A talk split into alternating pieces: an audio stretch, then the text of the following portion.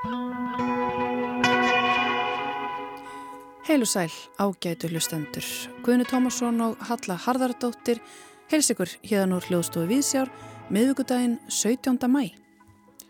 Í Víðsjá í dag, Korta Samfónia, Mótetukórin og Trapo, Tuskur.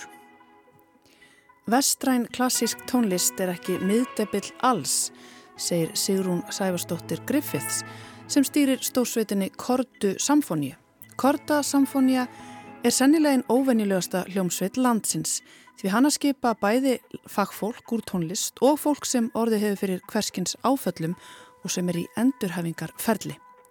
Hljómsveitin telur 40 mann sem hittast engöngu í 11 daga ári, 10 daga samja þau sameilega nýja tónlist og halda svo tónleika á 11. degi.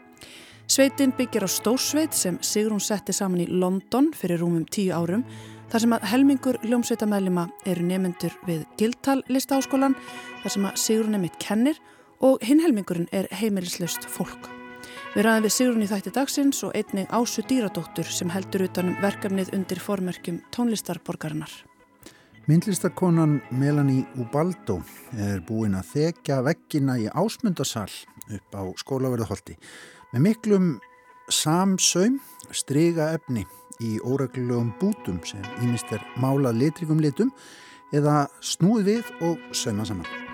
Þarna er á ferðinni málverka innsetning sem er eitthvað á annað hundrað fermetrar að stærð út það farið en Melanie Ubaldo er þarna undir áhrifum frá tuskum sem saumaðar eru á heimaslóðum hennar meðal annars af móður hennar og einhverjum hennar í Filipsegin.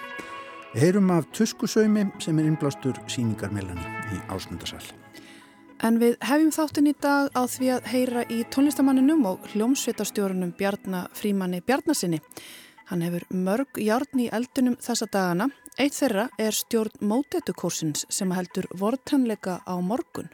Já, mótetukórin hann nýtir uppstyrningardag í að syngja inn sumarið á vortólningum sínum í Fella og Hólakirkju klukkan 20. annarkvöld Á efniskráni verða undurfalleg verk þar á meðal eftir Brúkmer, Brahms, Grík og Rachmaninoff í bland við Norræn sumarljóð.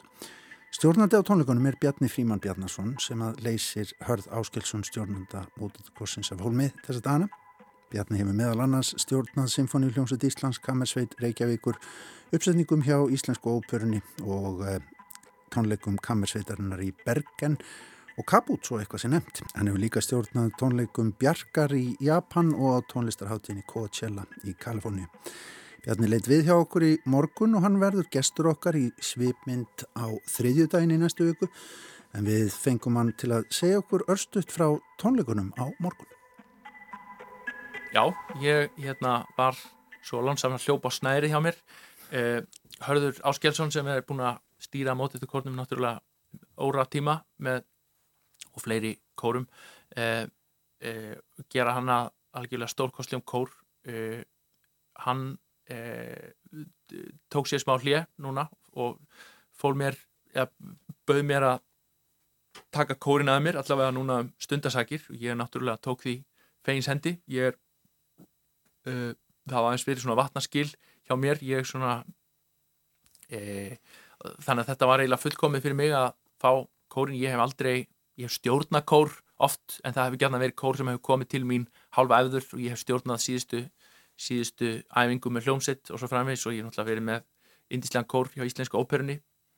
En þetta er í fyrsta sinn sem að ég er umlega hef heilan kór í höndunum um lengri tíma og ber ábyrð á honum. Þannig að þetta hefur verið mikill skóli. Mér, mér finnst mér svona láta vel að stjórna kórnum út af fyrir sig en ég finn alveg til mín svona reynslu ég finn, ég sé ekki reynslu leysis en ég finna að það er mjög margt að læra í því hvernig maður þjálfar kórin svona yfir lengri tíma, það er mjög gaman þetta er náttúrulega allt sko áhuga fólk með, eh, og raunverulegt áhuga fólk, það er mikil áhugi það er mikil ástriða fyrir tónlistinni. Þau koma saman af þeirri einu ástæðu að þau vilja syngja saman. Það er ekki eins og oft vil verða kvatin hjá tónlistamönnum að kannski eh, stýgur upp á svið og spilar eða syngur bara til að geta haldið áfram að vera tónlistamæður og kalla sig, maður það náttúrulega það er einhver ímynd sem að, ég þekki það alveg sjálfur stundum fer maður á sviða og segja erindi af því maður bara það er það sem ég geri, ég er tónlistamæður -hmm. en það er ekkit af því þarna fólki kemur saman að þeirri einu ástöð þau langar til að, að saminast í söng og það verða verða náttúrulega að gerast kraftaverk þannig, við erum að syngja alveg ótrúlega mikið af góður í músík, við ákváðum að setja saman núna vortónleika sem við ætlum að flytja núna e, annarkvöld í hérna í e, í Fella Hólakirkju klukkan 8 og e, og þar sem sagt syngur kórin bara einn óstuttur án undirlegs það verður engin einsöngar heldur er þetta svona, hvað maður segja, perlur tónbókmentan bæði þekktar og minna þekktar upphálega það var nú lagt upp með að við myndum syngja svona einhver, einhver uppáhaldslög kórsins í gegnum tíðina en svo var bara, svo opnaði ég fyrir óskalista þannig að það var svo, það var svo komið svo marga góðar hugmyndir svo var ég bara eins og lítið badni sko selgætisbúð þannig að, þannig að það er, við erum að syngja hann 12 mjög flott númer úr öllum áttum. Ég er alveg, ég er eiginlega bara alveg að styrlast úr spenningi yfir þessu. Gott. Já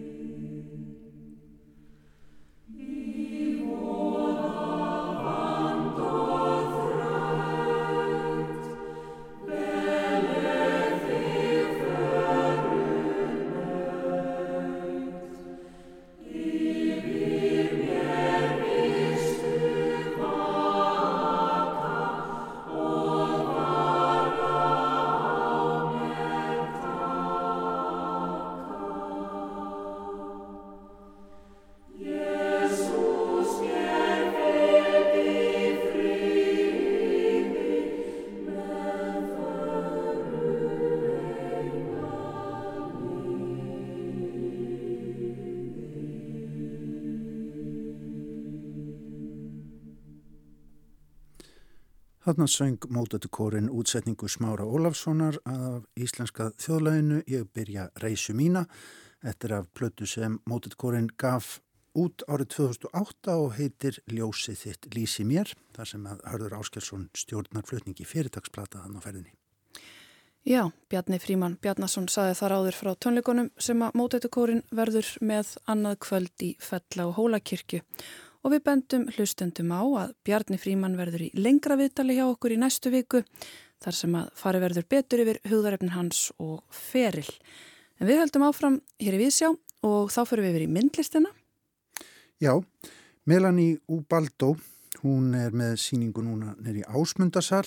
Hún er búin að sauma þar saman mikla innsetningu sem að heitir Trapo. Eh, Þarna er á ferðinni stór málverkainsetning sem að þekur veggi salarins og er í rauninni sérsniðin fyrir ásmundarsal afrakstur margramána þrótlausrar handavinnu Melanie.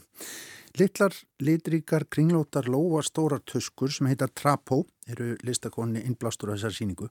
En þær eru saumaðar og seldar á æskuslóðu Melanie sem að uppháflega kemur frá Filipsegjum en það er hún fætt árið 1992 og listakonan tekur undir að hún fari með gestin aftur í tíman til æsku árana. Já, reyndar sko. Segð okkur hans á hvað er Trapo? Trapo er, eða trapo er sem sagt filipsíska orðin fyrir svona tuskur, svona bortuskur Já.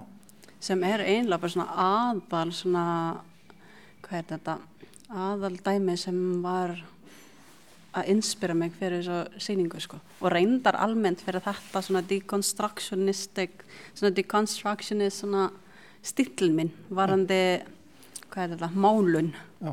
með fyrir, einmitt að fyrir þessar trabó eða tuskur, þeir eru sem sagt, þeir eru svona lofastórt, ringlega og er gert þá bara með því að sauma saman svona afgangsefnum eða bútum, textilbútum og þetta er bara eitt af mörgu svona side hustle hjá mömmu minni sko á Philipsen þegar ég var yngri bara til að koma eitthvað mat upp á borði eða eitthvað. Eru þá að selja þetta? Já, þannig það er sem sagt alveg konarnar í okkar svona hverfi, bara eitthvað í fí, bara sæti saman og bara að spjalla og bara að sauma þessar og sann það var einhvern annan sem var þá að kaupa þetta frá þeim og selja þetta þá í götunni eða bara í mörgum. Þannig að þetta er svona smá heimilis yðnaður sem að skil, skilar sko. einhverjum nokkrum krónum. í- Já, auka krónum bara sko. Já. Í hverju tuskurna sé hann notaðar? Bara til að þrýfa alls konar yfirbróði sko. Já. til dæmis bara mjög algengt bara sem bortuskur og líka jáfnvel ef maður festir sig umfyrir að teppa á Philipsum þá er þetta algengt að einhver svona börn muni bara banka í hurðina hjá þér og bara og selja þetta svona því hann er líka mjög næst til að þrýfa bílarúður eða eitthvað. Sko, ertu alveg upp í Manila eða hvernig er það? Nei, ég er alveg á Bissibú. Hvar er það? Það er svona aðeins sunnarlega og hann er svona næst stærsta, næst svona mikilvægasta borgin fyrir utan Manila. Já. Er hún semst á sömu eigu? Nú er þetta mörg, Nei. mörg þúsund eigur, eða ekki? Já. hann er bara eigu ansunarlega og er þá svona, ég held núna er það svona 3,5 miljónum mann sem búa þarna Já. og það er strax allt annað tungumál með að við þessu Philipsisku sem við tölum um sem er þá Tagalog þannig Cebu er til dæmis Cebuano sem er Trapo er þá annars er það allt annað orð í Philipsisku Já, já, já, það er að svona málisku eða, Já, já. þannig að þetta orð Já. er, er, er í þessari sérstak máli. fyrir, já, sérstak fyrir eiguna þar sem ég fættist. En þú veist, þegar kemur að því að búa til svona tusku, og því að þú ert nú líka eiginlega yfirfærir það yfir í þína fagurfræði, en þegar, Mhm. sko, þegar tuskan sjálf er gerð, er hún þá hugsuð á einhvern fagurfræðilegan hátt svona af þeim sem gerir hana? Er, er þetta sko, er þetta listræn sköpun? Nei, reyndar ekki sko, þetta er búið bara einhvers konar svona heimilis object sem er notað til að þrýfa. Já. Ég er engin svona risa fagurfæla ákvæðanir sem er tekið þar sko, hvað bútar eru sauma saman, mun ég giska. En af hverju heillar þetta þig til þess að gera síðan hérna stóra inn- innsetningu, sauma innsetningu sem er hérna upp um alla veggi? Hva, hvað er það sem heillar þig í, í þessu? Sko í grunninn, ég veit eiginlega ekki sko, hvort það var, hvort ég fann einhvers konar fagurfæla tengingar við þessa, með því að svona sögum þessu saman eða svona búta þeim saman, eða hvort þetta bara, þetta ritual, mér sá þessu konur þarna, bara að setja slifi lið að bara og spjalla og gera þetta. Þetta er félagslega aðtöp. Já, félagslega aðtöp, Sko, gæti verið það sko. en, en til dæmis mamma þín, ég meina, hvernig hún, hún hort á þetta gegnum tíðina? Ég hef aldrei spurt hana um þetta sko, en ég man að hún gerir bara alls konar bara til að hafa þessu auka tekjur þarna sko. Já. Þetta er svona saumaklubur en samt svona Já. sjálfs, sjálfsbjörgur Já. líka. Já. Hvað er það að tala um? Bara alls konar sko, þær voru kannski bara gossiping eða eitthvað. En, en þarna er samt eitthvað sem að svona, já, býr til eitthvað samfélag í kringum þetta, ekki satt? Jú, það er það sem heitla mig líka sko. En kannski, já, kannski kemur ekki í skín þegar ég er ein að gera þetta. Nei. Ég er bara eitthvað fastur í stúdíu ein með blastandi tónlist og eitthvað. Bara kannski ekkert mikið social þar í gangi. En hvernig, sko, ef við horfum á þetta, nú er þetta risastóri fletir, þetta virkar eins og sé einn stór saumur, er þetta, þetta lítur nú að vera í, færri, í stærri einingum eða ekki? Já, reyndar sko, fyrir ég, hvað heitir þetta? Ég tók þá veggin, einni veggi einu, Já, til dæmis að maður lappar inn, ef maður ég myndi sér bara að lappa inn upp á ásumnusalinn, þá erum við þessi veggur svona lofthæðin almennt er 4,5 metra og sann er það annarkort sjömetra breyttur veggur og svo þessi aðalsvæði hér hann er svona samtals 12 Já. meter sko. Þannig samantek þá er það svona við erum að tala um 130, 120 fermetra Og þetta er, ef við skoðum mynda eins, komum aðeins næri þessu, þá er þetta bara runni gróft, hvað, grófur stríi, gróft léreft, eða hvað? Hva, þetta er allt bara strega efni sko Já, nema stundum ég er meira rifin á þessum, þetta er svona bakgrunnin á stríðinu sem er ekki búin að grunna og mér finnst hann mjög svona fallegri heldur en þess að hvíta grunna já, já. Þannig að suma bútana grunnaru og mála svo á. Nei, þetta er allt grunnað nema það er bara sný, svona Já, snýr öfugt til dæmis Snýrðu Já. snýrðu einum og einum við. Já, já, já. En svona, þú veist, þetta virkar nú eins og svona ansið mikil aksjónmálaravinna. Já, reyndar Það er allt, allt vitlust og mikið stuð á, á vinnustofunni. Já, það er bara það sem ég er bara með svona heila rúllur bara á gólfinu og bara ég að sulla alls konar efni Já. En sko, ef við hugsum um tuskurnar sjálfar, Já, sem að, sem að mammaði var að bú- og útbúa. ég ætla að sína Ert- mynd að þessu tuskur sko. Já, ok, endilega. Sko, eru þær svona litríkar líka? Það er svona sko Já. Það gæti verið mismandi svona lítið samsetning í, í. En Það er oft ringlaða. Og það er ringlaða sko. Og svo er þetta hægt að fá svona kannski gólf, svona tusku útgáfu sem er þá bara eins og teppi líka við. Já. En þetta er svona algengist að svona tuskur. Og hvaðan kemur efnið í þetta? Bara í þessum áttum?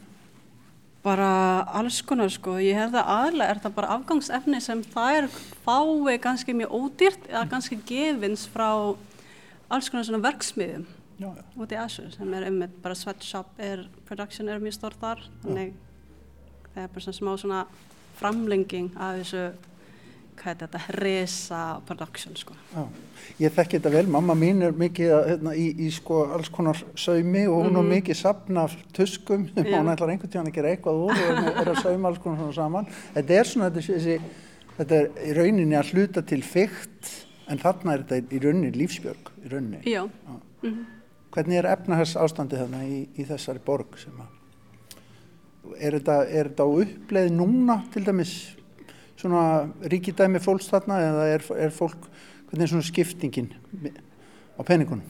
það er reynda bara mjög óbreytt finnst mér sko frá því hvað, ég er búin að vera síðan 2005 Hérna á Íslandi? já, þannig það er það hvað, 13, nei, Já, það er að verða, 23, nei það hvað er að verða 20 ár bráðum? Já, það verið að 20 ára og mér liður bara ennþá það er svona livsháttar af mínar, af fjölskylda mína úti er eins og þegar ég fór frá landinu sko. Já. þannig að það er, það er bara ákveðum fólk sem er búin að ná sér árangri og flestir en eins og leginlegt að það er sko, er bara ennþá í skýtafátæk. Já, einmitt. Það er ekki, það er ekki bjart yfir þannig og auðvitað mjög margir um, um bara lífsbjörgina þannig. Já, Mm. algjörlega.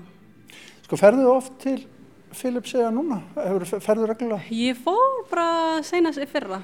Já. Já, það var bara samt bara í tvær vikur en það var bara næst sko en það var bara, einmitt hvað heitir þetta, það var reyndar svona frí sko, það var ekki mikið að hitta allir hinn eru fjörskjöldin eða eitthvað, það var bara að, já þetta er bara svo mikið, fyrir ég fór líka þegar ég var nýbúin að útskjáða sér master þannig ég þarf bara að komast í frí Já. þannig það var bara, ég hugsa bara ég þarf bara að vera í ströndina og ekki vera í borginni. En sko þegar þú flytur þetta hérna inn í svona íslenskan myndlistaveruleika eða já, myndlistarlífið, sko hv- hvernig finnst þér viðbröðin vera þegar þú ert að útskýra svona rosalega svona sérhæft lítið atriði í svona opbúslega fjarlæri menningu. Mm -hmm.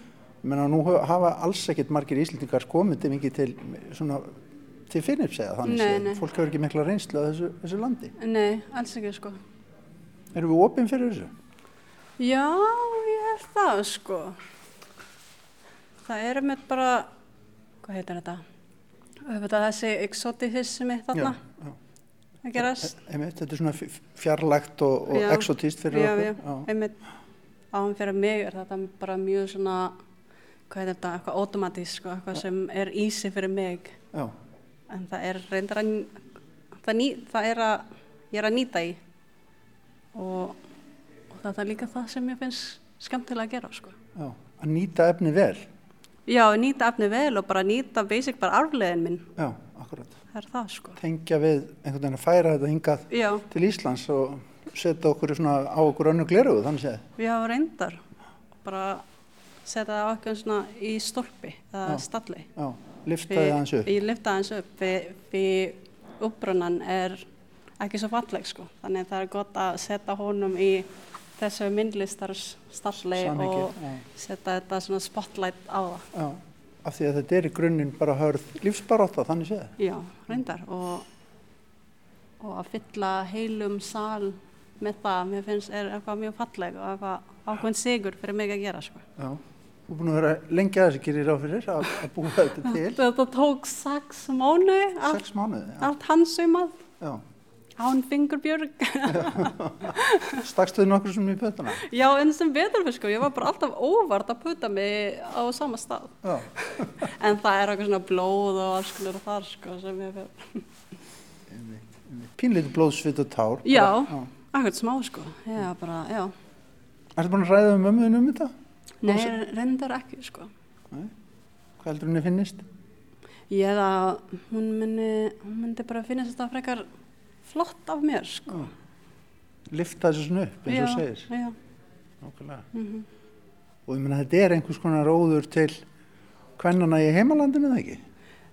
já, bara, já, óður er þessu tuskur hérna og þessi hvenna menningar tengingin þar og líka bara með og líka, hvað heitir þetta minn persónulega er þetta líka bara óður bara til Kristó og Jean-Claude sem þetta bara með mínum svona aðal lista hetjurnar sko. Já, einmitt, ég var reyndar ekki búin að hugsa út í það. Þetta er náttúrulega algjörlega svona í þeirra stíl. að- Já, nema svona öfugt, hér er ég að pakka inn, inn innan frá. Já, og pakkar inn inni, en Já. þau hefðu kannski tekið húsi og setta Já, allt í... það myndi taka mig, ég þarf svona heilt svona, hvað heitir þetta, production team fyrir það, sko. Já, já, það verður kannski einhvern tíman. Já, Getur sett Hallgrímskipum, við horfum nú á hana hérna, getur sett, sett hana inn í svona trapp og hérna, tuskur why not, sko. Það er kannski bara svona sterkari efni, heldur en svona þrýefni. Já, það var- segl. Það var alvöru, Já. En takk hérlega fyrir spjall og takk fyrir að taka á móti mér. Þetta er hérna daldi áhrifaríkt að koma hérna inn, þetta er svo stórt einhvern veginn og, og þetta umvefum hann hérna Mm og þetta er litríkt, akkurat svona dögt hérna meginn, þetta. Það er allt svona, já, hér er allt dekkra en þarna er þetta svona meira Já, litríkt. Er einhver pæling í því? ég byrja reyndar að mála og sauma þennan hér. Já, og svo bara, dökka. Já, þennan dokka. Og fyrir ég vinn, já, það er bara svona, þessar litir er eitthvað sem mér finnst auðvitað að vinna með. Þannig Mhm. ég byrja bara á það.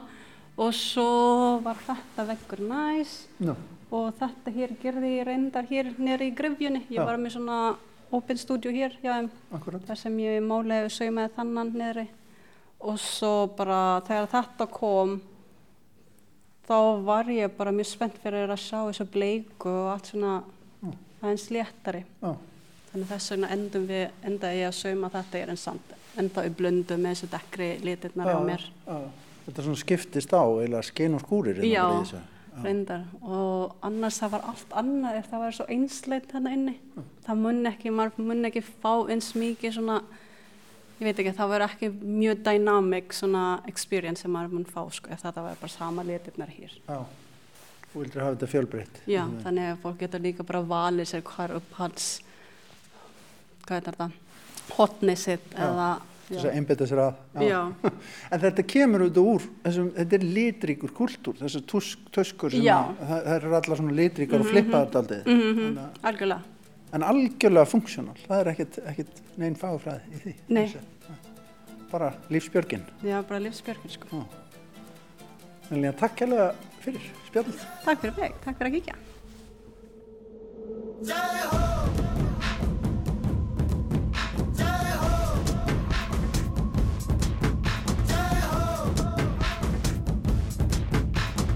आजा आजा, जिंद शामी आने के तले आजा, जरी वाले नीले आसमाने के तले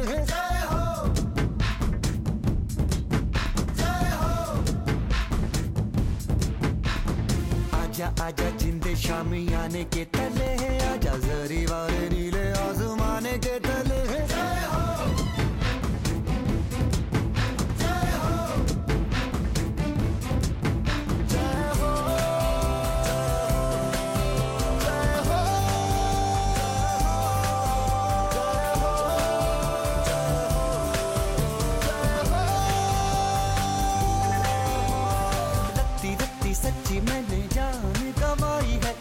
नच नच कोयलों पे रात बिताई है। अखियों की नींद मैंने फूकों से उड़ा दी। गिन गिन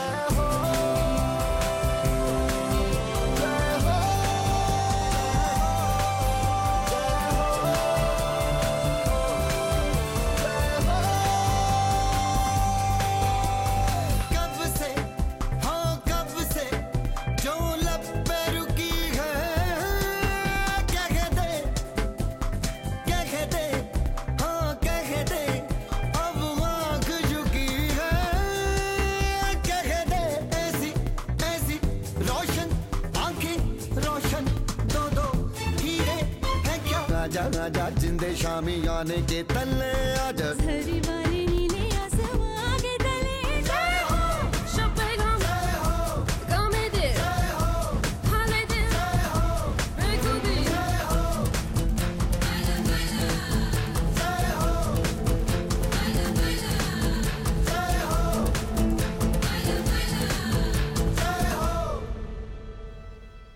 Já, ræsandi tættar þarna úr kvikmyndinni Slumdog Millionaire. Þetta var eitthvað sem kom Melanie Ubaldo í stuð á vinnustofunni þegar hún var að sauma innsetninguna miklu sem að nú er hægt að sjá í ásmundasal.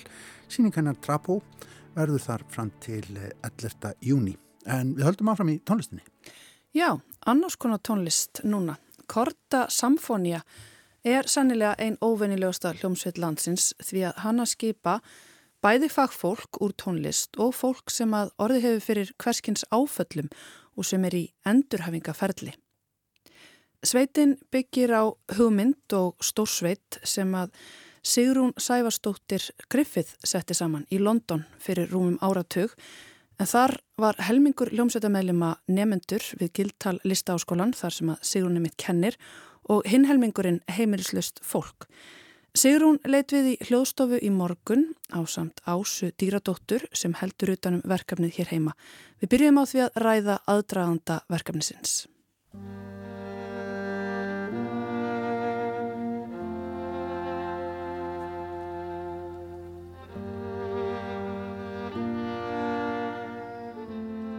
Já, þetta var nú, ég settist ekki niður með hvít blað og byrjaði að búa til projekt, þetta svona þróaðist með mér svolítið. En já, ég er búin að búa í, í London í meir en halva æfi, æfina mína, svo ég hérna flytt þangað upphálega 1997 til þess að læra við of Music and Drama. Og fæið sem ég fór að læra var akkurat þetta, þú veist, hvernig svona samfélagsleg tenging um, í gegnum tónlist. Og ég byrjaði að starfa við Guildhall áður en ég kláraði námið mitt, þannig að 1999 var ég byrjuð að fara með nefndum út í nærsamfélagið, svona út í Östur-London, Tower Hamlets, að vinna í grunnskólum og þá með undergraduate nefnum sem lið af mínu verkefni með mínu mastersnámi. Og svo var þetta bara svona alveg seamless transition að ég var, var starfsmöður þannig að ég er, rauninni er ennþá í Gildhól frá 1997. að hérna, og já, ég sem sagt tók við rekstri mastersnáms þar sem hétt Masters in Leadership sem var setni útgáfa af því námi sem ég fór í og styrði því í 12 ár. Þetta verkefni sem að í rauninni er, er fræið sem að þetta allt sem mann var til út frá var verkefni sem ég stopnaði í þessu sem, sem program leader af þessu mastersnámi og það er hljómsveitin Messengers, The Messengers sem er sem sagt ennþá starfrekt í London um, tíunda starfsar afmælið okkar var núna í oktober og þar er helmingur hljómsveitarinnar nefnendur í Gildtól og hinn helmingurinn er fólk sem hefur reynslu af heimilisleysi og er ennþá svona að vinna í þeim áföllum og þeim svona lífsviðbyrðum sem urðu til þess að þau enduði í þeirra aðstöðu. Þannig að, að hérna, ekkert þeirra er svona komin alveg út í lífið með, þú veist, með eitthvað starfsferil eða eitthvað svolítið, fólk er ennþá í þessari ringiðju sem ég veit ekki hvort að sé einhver alveru leið út úr en allavega þá finnur fólk tilgang í þessu verkefni. Við hittum strísasunum ári, vinnum í verkefnalótum sem er annarkur þrýr, fjóri, fimm eða sex dagar í senn eftir því hvaða verkefni eru framundan og við semjum saman tónlist og það er engin goggunar röð í þessari hljómsveit. Þeim sem að dettur eitthvað í hug þeir, þeir segja það við alla hljómsveitina þannig að það er alveg mjög auðvelt fyrir fólk sem einhvern tíman vissi ekki hvar sín næsta máltið kom fram er að, að kenna nefndum úr, úr gildhólskólanum. Það er algjörlega alls konar útgáfur af því.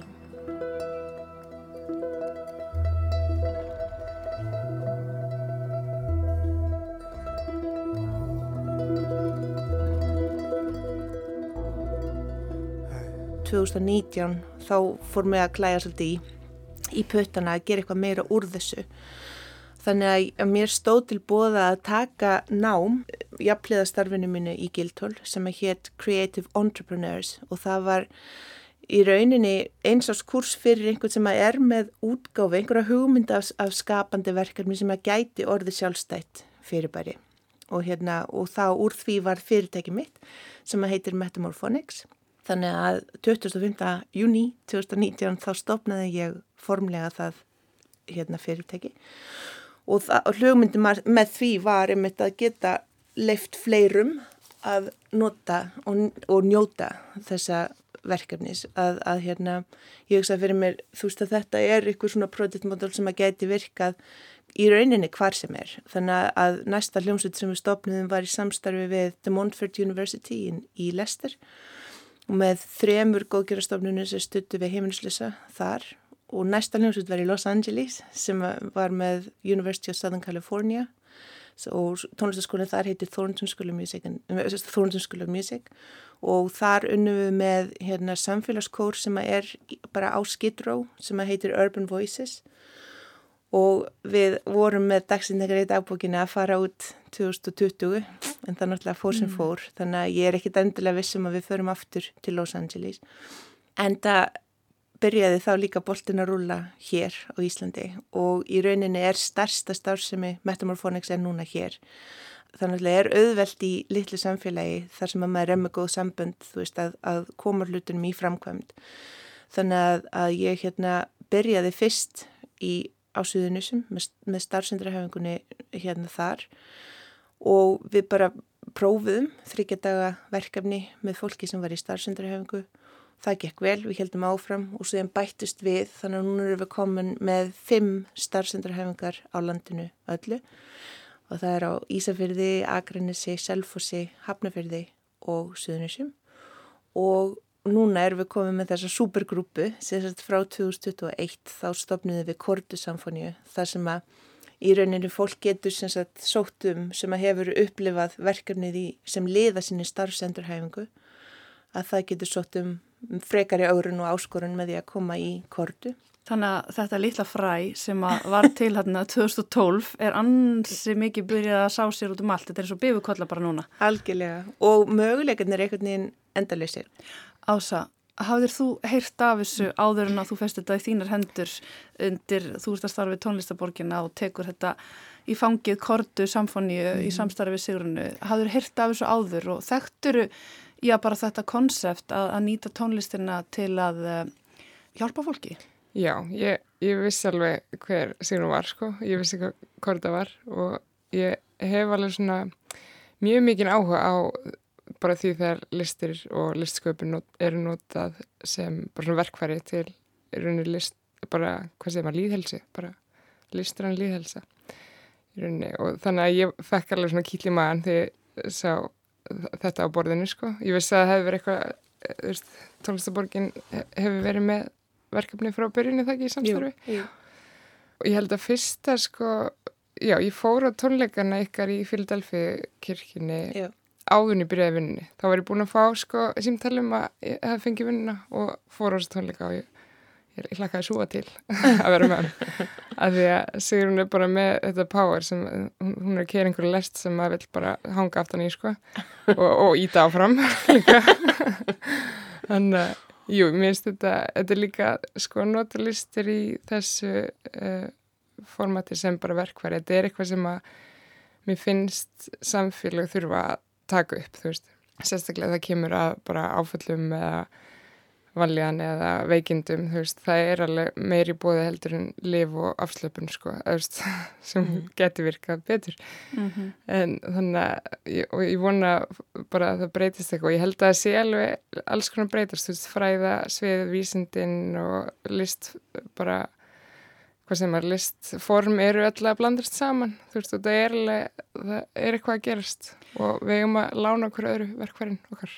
Nákvæmlega, það er nefnilega eitthvað að gerast. Er það ekki, Sigrun? Jú, jú, það er alveg og það er blanda af hinn og þessu sem að ég held að sé svona ábyrgt fyrir því að ég held að þetta er svona, þetta er orðið pínu klísukent en, en ég held að COVID hafi fengið fólk til að hugsa öðruvísi um svona lífið og tilvöruna þó að við séum hratt að fara í svona fyrri form. En það líka er staðrindinu svo að fræða samfélagið hefur virkilega unnið mikið starf á síðustu áratugum, myndi ég segja, og til þess að renna alvörum stóðum undir þessa, þessa tilfinningu og þessa, þessa svona óstaðfestu ken, kenningar sem hefur verið lifað náttúrulega í listasamfélaginu öldum saman, að það sé einhvers konar styrkur í þessu öllu saman og það sé eitthvað sem að gera sem er jákvægt í, í, í svona mannlegum samskiptum og, og varðandi einmitt þessar svona heilun og, og það bara sem að gerist í gjölfarið að nú er, nú er búið að rannsæka það. Það eru, eru endalisa greina sem að sjá, sína það svart á hvítu að það eru áhrif. Og við bara getum séð það bara í gegnum okkar okkar samfélag sem er að koma núna í gegnum þessa hljómsveit að, að það er að verða veruleg verulega breytingar á högum fólks í kjölfarið. Þannig að, að þetta er ekki eitthvað sem að maður svona í upphafi mínum, á mínum ferli þurfti maður að eigða miklu púðri í því að réttlæta hvers vegna maður verið að gera hitt og þetta. En það, staðin er önnur núna og það er ekki tabú að tala um listir sem meðferður úrræði. Það er ekki tabú lengur vegna þess að það er, það er raunverulegt og, hérna, og það er mjög svona algeng setning sem ég heyri hjá fólkinu sem ég er að vinna í með að, hérna, að þetta starf hafi verið það áhrifa mesta í þeirra endurhæfingu að þarna hafi fólk fundið sinn svona flöt. Og auðvitað það ekki eitthvað sem er algilt og væri 100% ef þú myndir líta á hóp fólks en það eru við ekki öll eins. Og það er þess vegna svo mikilvægt að geta verið með úrræði sem að henda mismunandi fólki. Það er mikið búið að fjalla um þetta undanferðin ár en þið eruð og þú sérstaklega búin að vera inni í þessum heimi og, og upplifa það bara beint í æð hvað gerist þegar fólk úr ólíkum áttum kemur saman til að skapa. Hvað er það sem að gerist? Hvar liggur galdurinn? Það er nefnilega, það er svo áhugavert, það er, það, ég held að það sem að er svona, það áhrifa mesta eru þessi samskipti sem verða, þessi samskipti sem að fara fram án talaðsmáls. Og það eru, þú veist, þegar þú ert að spila tónlist með fólki að það sem gerist þegar, þú, þegar einhver spilar eitthvað flott, þú veist, að þú lítur á viðkomundu og það er þessi þú veist, þetta, þetta lúk sem er þetta að tólka í útarpi en það er eitthvað sem gerist, þú veist, bara, sem að er svona, hérna, sem er styrkjandi, þú veist, fyrir, fyrir aðlun það, það, þetta, þetta jákvæðinu og þessi, hérna, þú veist, sannfæringum að þú ert að gera eitthvað sem að er þess virði að gera það. Ég sé þig, sér þú mig Erum við það samóðu hér Göngum sitt endum á sama stað. Við semjum allt, við, við tökum aldrei lög eða tónsmiða frá neinum öðrum. Og við erum líka með mjög algjörlega óhaganlega reglu um það að það má enginn koma með neitt fyrirfram undirbúið. Þetta, það gerist allt hér, veist, þannig að það er ekki hægt að segja að þetta lag, e, þessi aðlegi meira í þessu lagi eða hinuleginu veg, vegna þess að við unnum þetta saman og við vorum öll á staðnum þegar þetta var til og það er rosalega mikið, mikið styrku sem fælst í því einmitt, veist, að, að sjá síðan áhörundur taka móti og, og líka þú veist vegna þess að ég veit aldrei hvað er að fara að gerast. Veist, ég byrja ekki verkefni og veit alveg, ójá, þetta er nákvæmlega eins og útkoma verður. Þannig að ég er alveg jafn spennt yfir því sem er að gerast hér og nú eins og allir aðrir. Og maður feikar það ekkert, veist, að hérna, og bara þetta að það er mikil, það er mikil áskorun fyrir mig líka sem stjórnanda, þú veist, að, að vera ekki með, ég er ekki með neina nótnabók, þú veist, ég er ekki með neitt sem ég get haldið mig í mér í, þú veist, að ég þarf bara að bregðast við því sem er að gerast alltaf á hverja einustu stundu. Og þetta er mjög flókið um hverju þess að vinna í, þú veist, að maður er að hugsa um velferð allra, þetta er ekki bara skjólstæðingana, heldur líka nefndina og samkennara. Og maður er að hugsa um, þú veist, hvernig maður geti náð til fólks eða skapað umhverju þar sem það getur náðað blómstra, þú veist, og, og bjóða sitt besta fram. Maður er líka að reyna að, sagt, að móta tónlistinu og heyra þar sem að gullkornin eru, veist, og hérna og að hnóða hugmyndum 35 einstaklingar saman í eitthvað sem hefur listrænt gildi og samhengi og virkar sem tónsmíð á staðnum á meðan þú ert að stjórna því öllu og á meðan þú, þú veist, ég er að syngja með og ég er að spila á slagverkstundu með og þú veist, þannig að maður er með alveg gífulega marga bolta á lofti alltaf. Þannig að þetta er ekki einfalt, sko, og ég er einmitt núna að í fyrsta skiptir ég gera rannsóknarverkefni að því hvernig tekum maður þessar ákvarðanir, þú veist, hvernig tekum maður listrannar ákvarðanir í þessu umhverfi? Og þú veist, tónskal sem að vinna á hefðbundar í hátt myndi eflust bara rífa hárið á sér, þú veist að, að maður þarf að hafa gífilegt trö, tröst og líka maður getur ekki verið svona power crazy, þú veist, að, að ég kannski set, það er eitthvað sem gerist sem er spennandi og síðan sendi ég fólk með þessa hugmynd út úr herbygginu til þess að vinna hana frekar. Þannig að ég hef ynga stjórnuði hvað þau koma með tilbaka.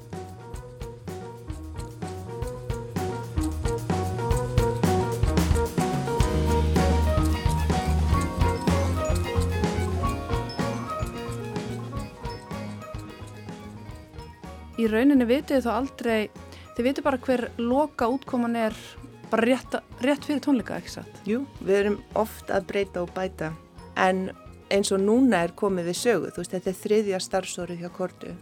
Fyrsta starfsórið, þá við heitumst í nýju daga og tíunda degi heldum við tónleika með 60 mínútur af tónlist sem hafi verið saman á þessum nýju dögum, þú veist. Og hérna allt, alveg frá grunni, hvert einasta orð, rytmi, hljómur, allt.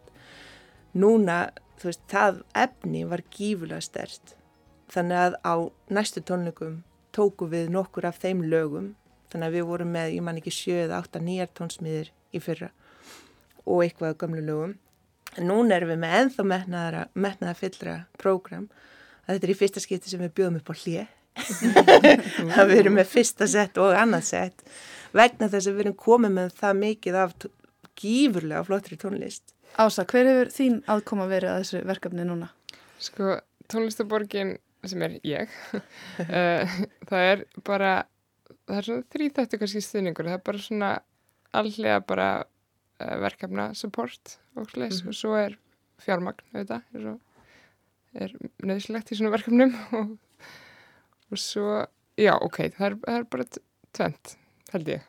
Og kynningamál og það. Já, að- kynningum, já, þetta er svona er margar hlýðar á þessu Mhm. en svo líka bara, þú veist, En hefur þið tekið þátt í æfingun til dæmis, hefur þið eitthvað séð Ég mætti á æfingu? Já. og það var alveg bara að mæta þarna inn, þetta er eins og koma inn í einhver svona, svona mennska orku, veist ég, maður er alveg svona, mann líður svolítið svona complete eftir veist, ég var ekki eins og spila með en maður bara mætir og maður finnir ok, veist, þetta er eitthvað sem skiptir máli, þetta er eitthvað svona fólk að skapa saman til að líða betur og láta öðru líða betur og bara fullkomin jafninga grundullur eitthvað svona virðing sem ég finnst og það er ekki verið eldast eftir að fá stóran label eða spila þarna eða, eða fá svolítið mikið followers á eitthvað samfélagsmiðlum. Þetta er bara eitthvað allt annað sem er miklu nær kjarnanum og ástæðanum fyrir okkur mannskeppnan gerir tónlist. Þannig að bara, já, ég dyrka kortu, sko.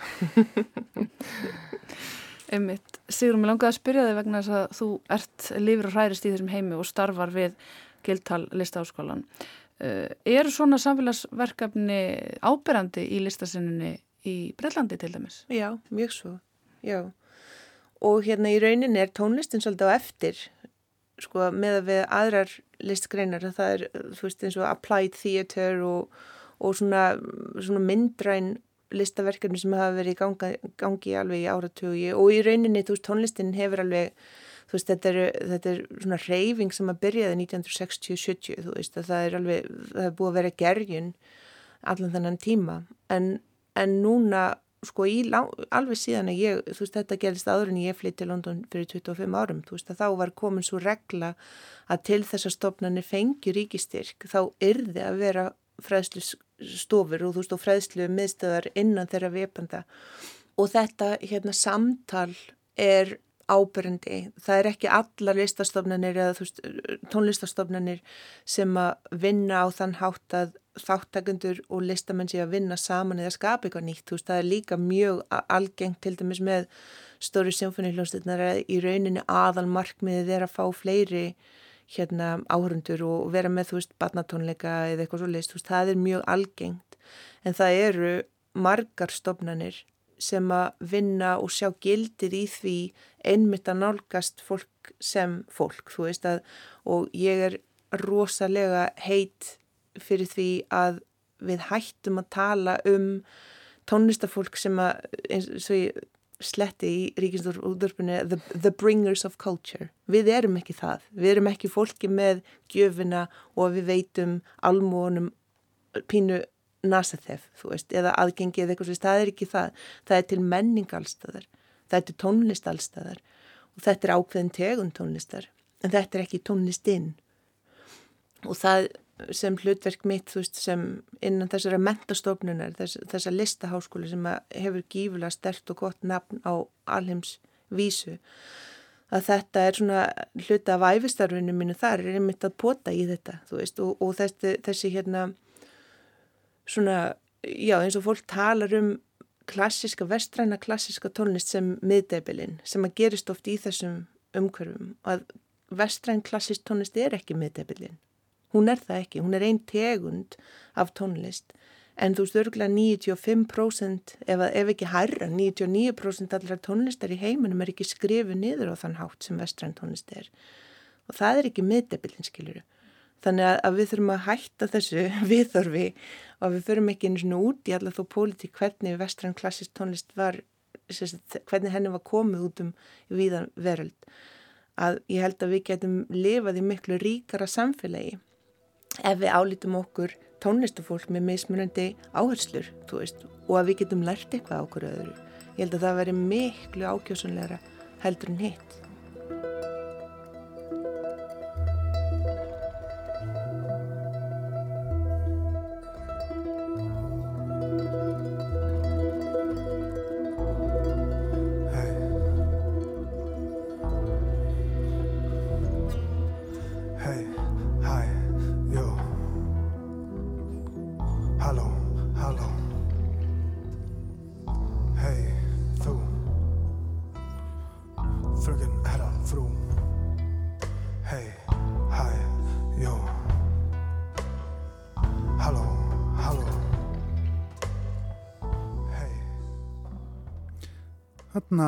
Rætti Halla við eh, þær Sigrúnu Sævarsdóttur Griffith, stopnanda Kortu Samfóníu sem er 40 manna stórsveit, skipuð bæði lærðu tónlistafólki og fólki sem hefur orðið fyrir hverskins áföllum í lífinu og er í endurhefingu.